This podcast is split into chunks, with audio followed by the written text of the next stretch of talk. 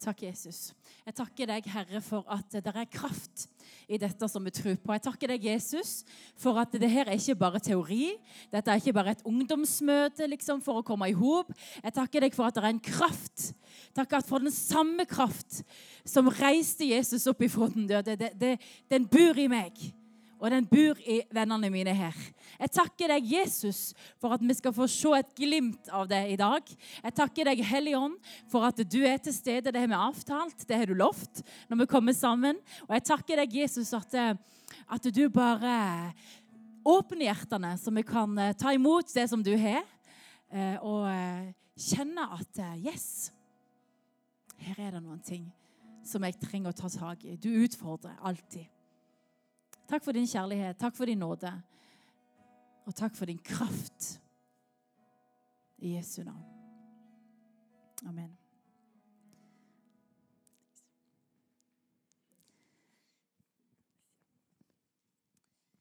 OK.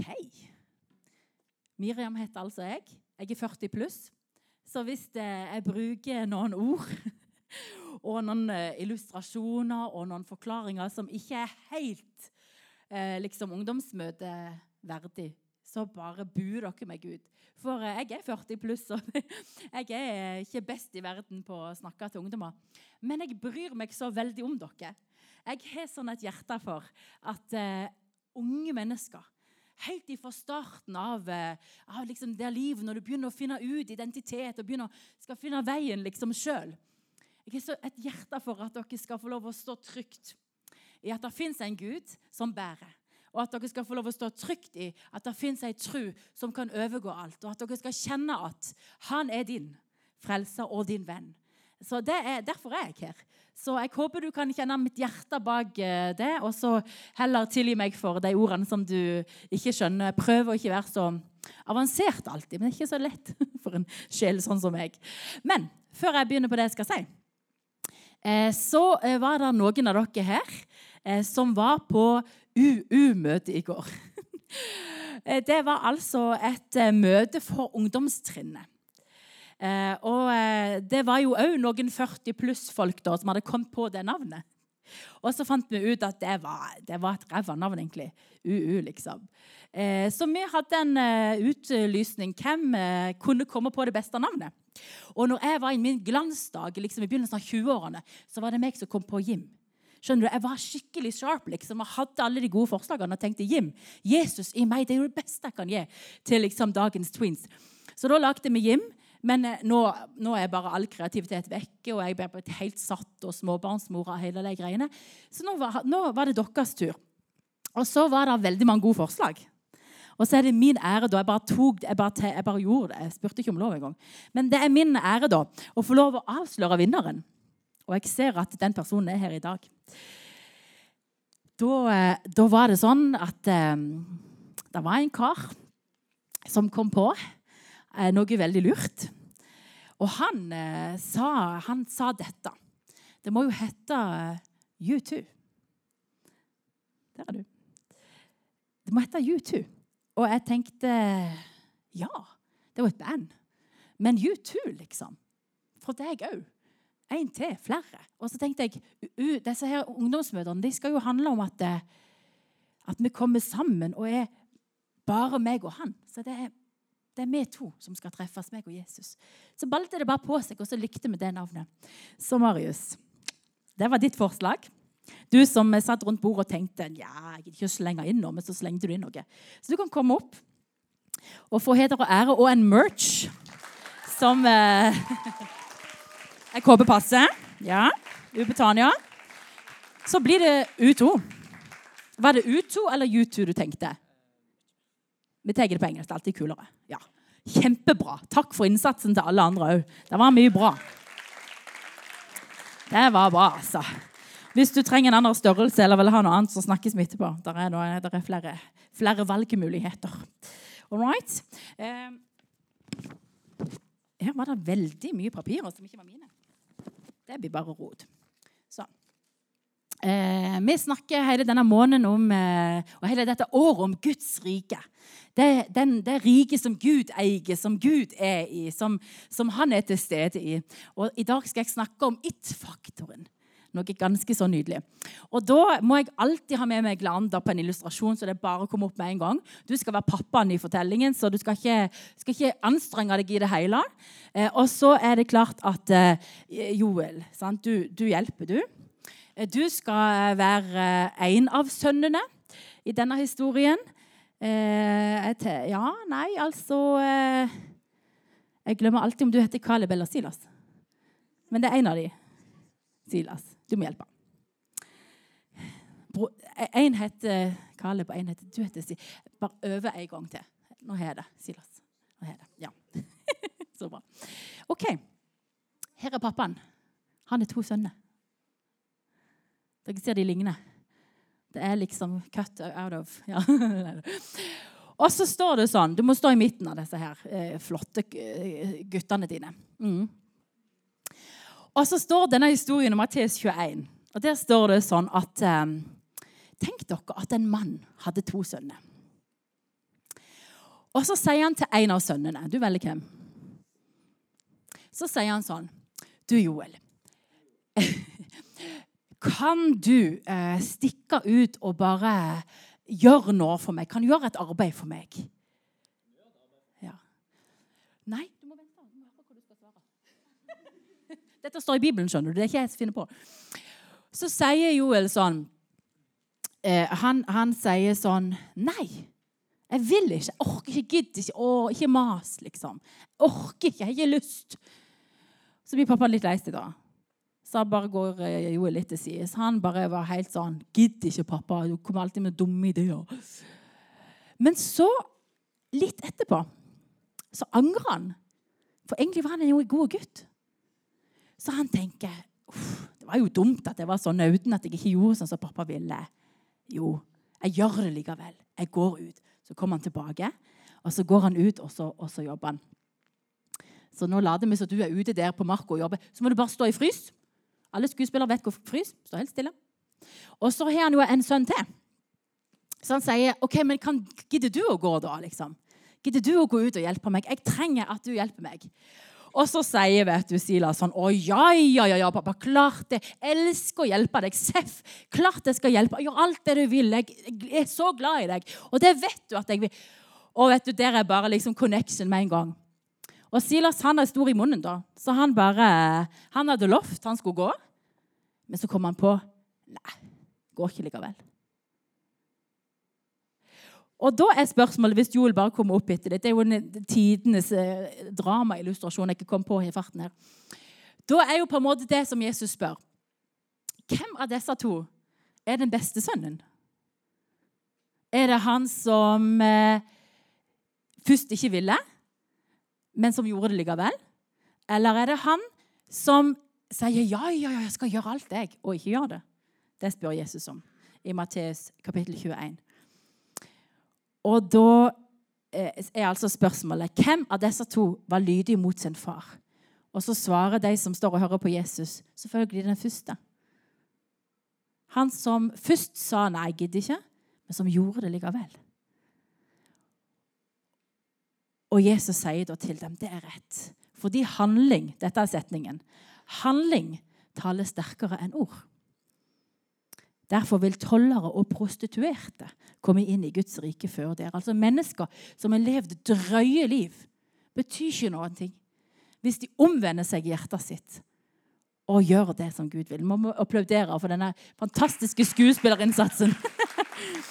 og så må dere bare sette dere. Men jeg tenker det er det det handler om. Det kan være mennesker som har levd skikkelig drøye liv. Som har vært skikkelig, liksom rota det skikkelig til. Men som allikevel gjør det som far vil.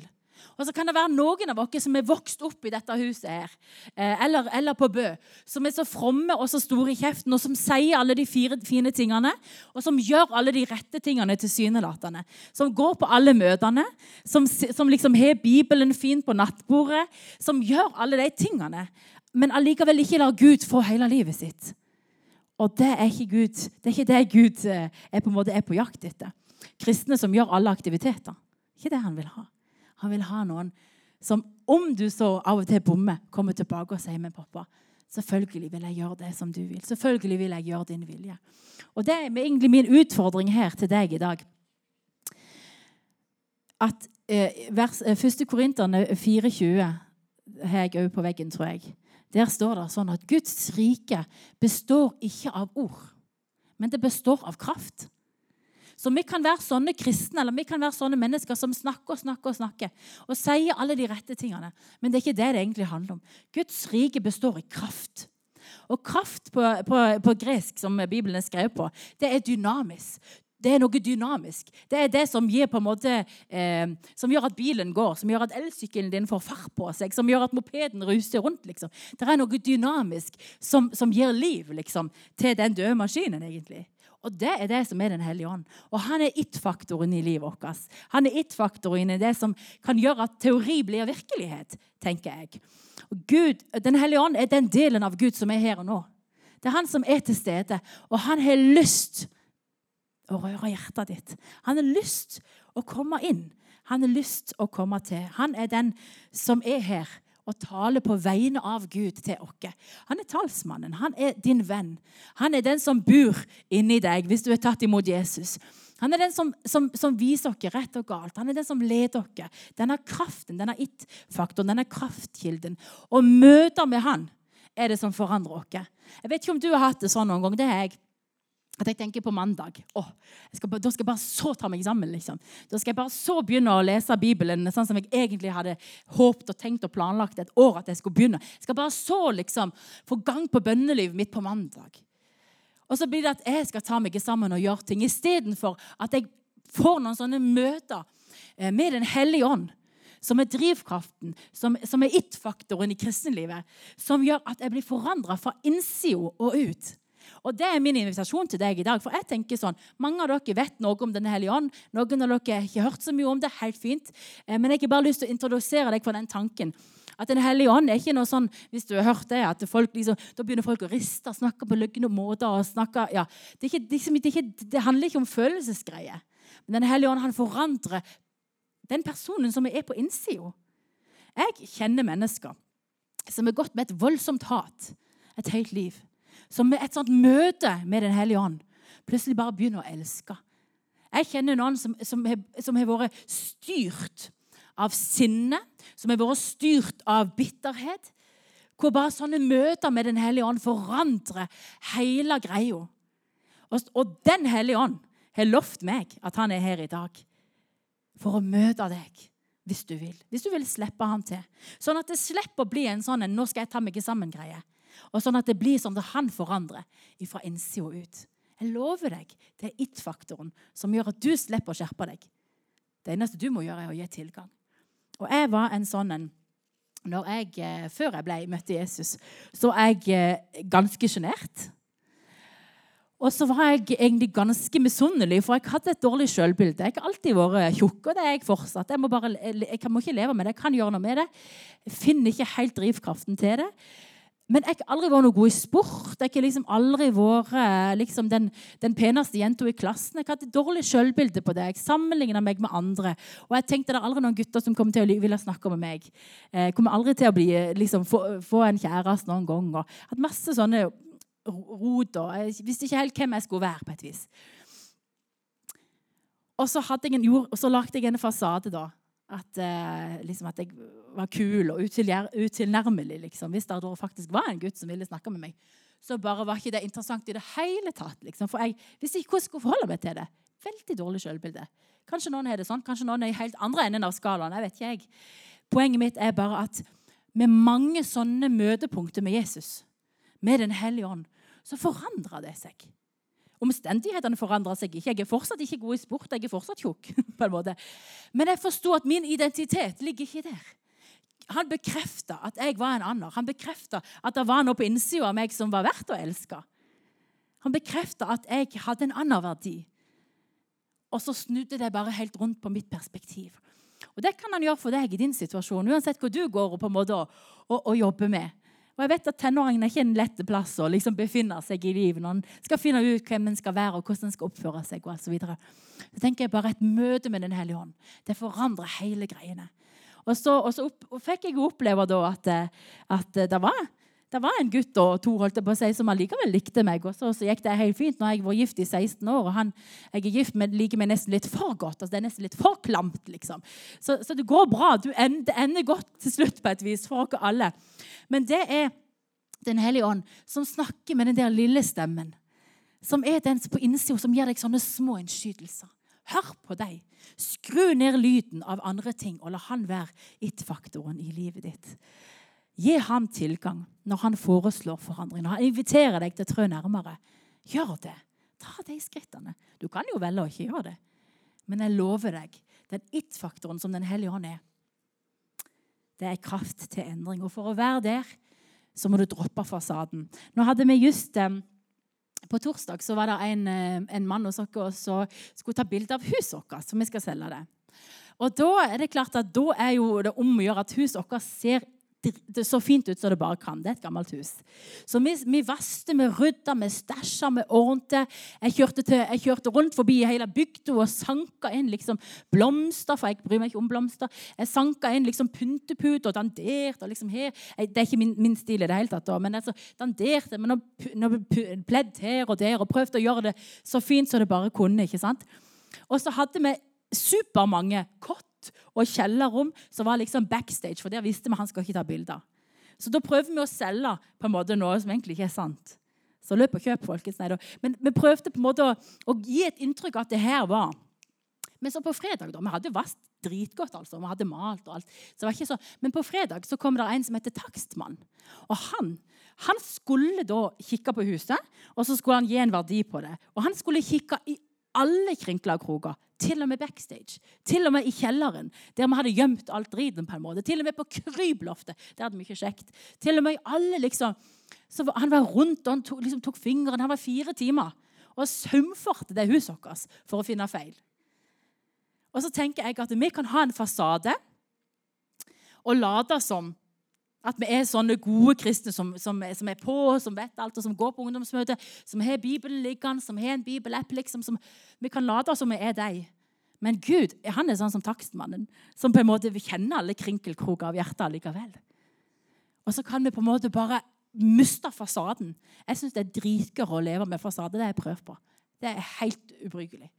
Men å miste fasaden og være seg sjøl, for han kjenner deg allikevel denne it-faktoren eh, som, eh, som vil endring. Og hva er det han vil med oss?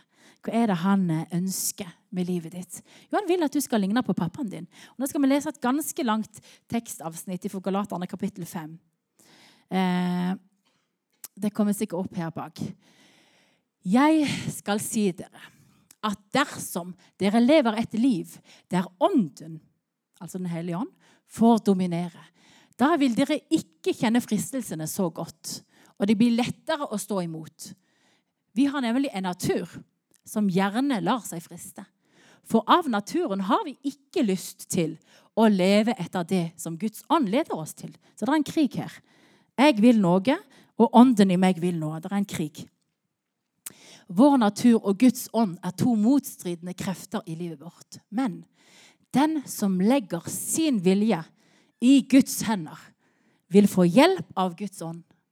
Og livet blir ikke en slitsom kamp mot alt man skal prøve å stå imot.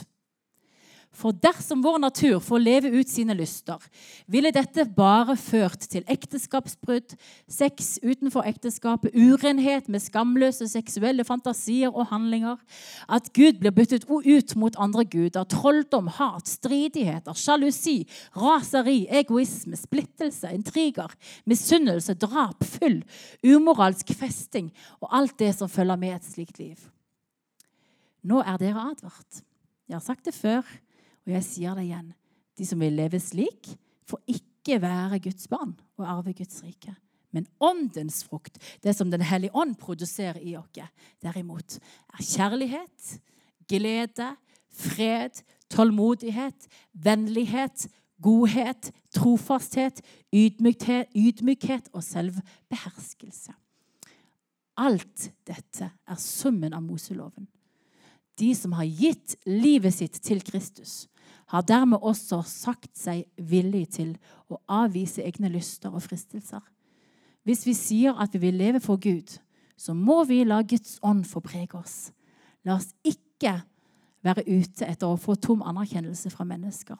Da vil vi bare sammenligne oss med hverandre og dermed misunne hverandre. Det var ti vers fra Bibelen om det å la Den hellige ånd dominere livet. Den hellige ånd er it-faktoren som gjør at vi ligner på Jesus hvis vi lar han få lov å slippe til. Og Det er hele målet han har med oss. At vi skal bli, bli kjent med Jesus, og at vi skal begynne å ligne på Jesus. Og hvordan var Jesus? Han var fullt av kjærlighet, av glede, av fred midt i omstendighetene. Han kunne glede seg når folk omtrent ville, ville ta livet av ham. Så hadde han en glede på innsida, han hadde en fred på innsida. Han kunne beherske seg sjøl, selv, selv om det var mange andre ting han hadde lyst til å gjøre. Han hadde lyst til å gå ned fra korset. Han hadde ikke lyst til å være der og ha det så vondt og bli eh, piska opp og pint for oss sjøl. Han hadde ikke det. Han sa det flere ganger. Kan jeg få lov å slippe? Men så kunne han beherske seg sjøl, for han visste Gud hadde en plan. Han lot seg drive av Den hellige ånd. Og det er min utfordring til deg. Hva er det som skjer med oss når Den hellige ånd får dominere? Ikke at vi ligger nødvendigvis, ikke at vi griner liksom to, liter, eh, to liter tårer på et vis. Og, og liksom, ikke alle de følelsene. Selv om det kan skje. Det kan skje at du blir skikkelig berørt. Det kan skje at du detter i bakken av Guds kraft. Alle sånne ting kan skje, men det er ikke målet. Målet er å forandres på innsida til å ligne mer og mer på Jesus. Og la seg drive og lede og domineres av Guds ånd. Det er it-faktoren folkens, i å leve som kristen. Og har jeg levd som kristen hva kan det bli? Snart 27 år, eller noe sånt. Og jeg kan bare si de gangene jeg prøver å ta meg sammen sjøl så, sånn som alle mine prosjekter med å nå skal jeg spise, ikke spise sjokolade liksom, i fem måneder, jeg skal trimme hver dag og jeg skal ikke, Alle de der tingene. Å, jeg har ikke selvdisiplin nok. Jeg kan bare glemme det. Men hjelpen som Den hellige ånd gir på innsida, drivkraften som han gir til å leve dette livet, til å ligne på Jesus Den hellige ånd som produserer i oss hvis du gir ham plass og rom, så vil han produsere i deg denne gleden, denne kjærligheten, denne freden, denne selvbeherskelsen og alle de andre ordene som eh, kalles for åndens frukt. Vennlighet, godhet. Han gjør oss til andre mennesker som ligner på de han hadde skapt dere til å være.